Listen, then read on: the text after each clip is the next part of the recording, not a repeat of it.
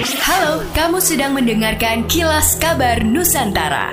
Podcast persembahan KG Radio Network menyajikan berita harian yang mengangkat keunikan dari berbagai wilayah Indonesia. Kilas Kabar Nusantara dapat juga didukung oleh pengiklan loh.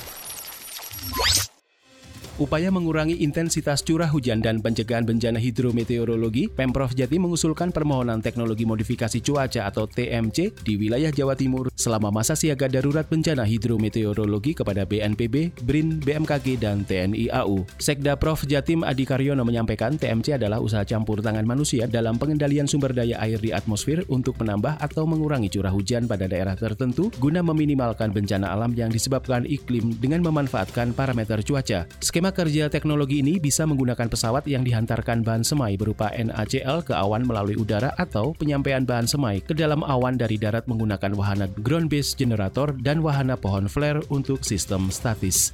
Imigrasi Palembang mencatat ada 7.825 warga negara asing atau WNA datang ke Sumatera Selatan tahun 2022. Kepala Kantor Imigrasi Kelas 1 TPI Palembang, Muhammad Ridwan mengatakan, 1.590 WNA melalui Bandara SMB 2 dan 6.235 melalui Pelabuhan Bom Baru. Menurut Ridwan, secara keseluruhan permohonan izin tinggal tahun 2022 juga mengalami peningkatan.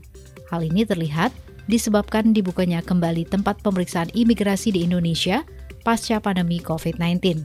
Ridwan mengungkapkan, setelah kota-kota besar di Cina mencabut lockdown, maka banyak warga negara asal Cina keluar negeri, termasuk ke Indonesia. Salah satunya ke Sumatera Selatan. Demikianlah kilas kabar Nusantara malam ini.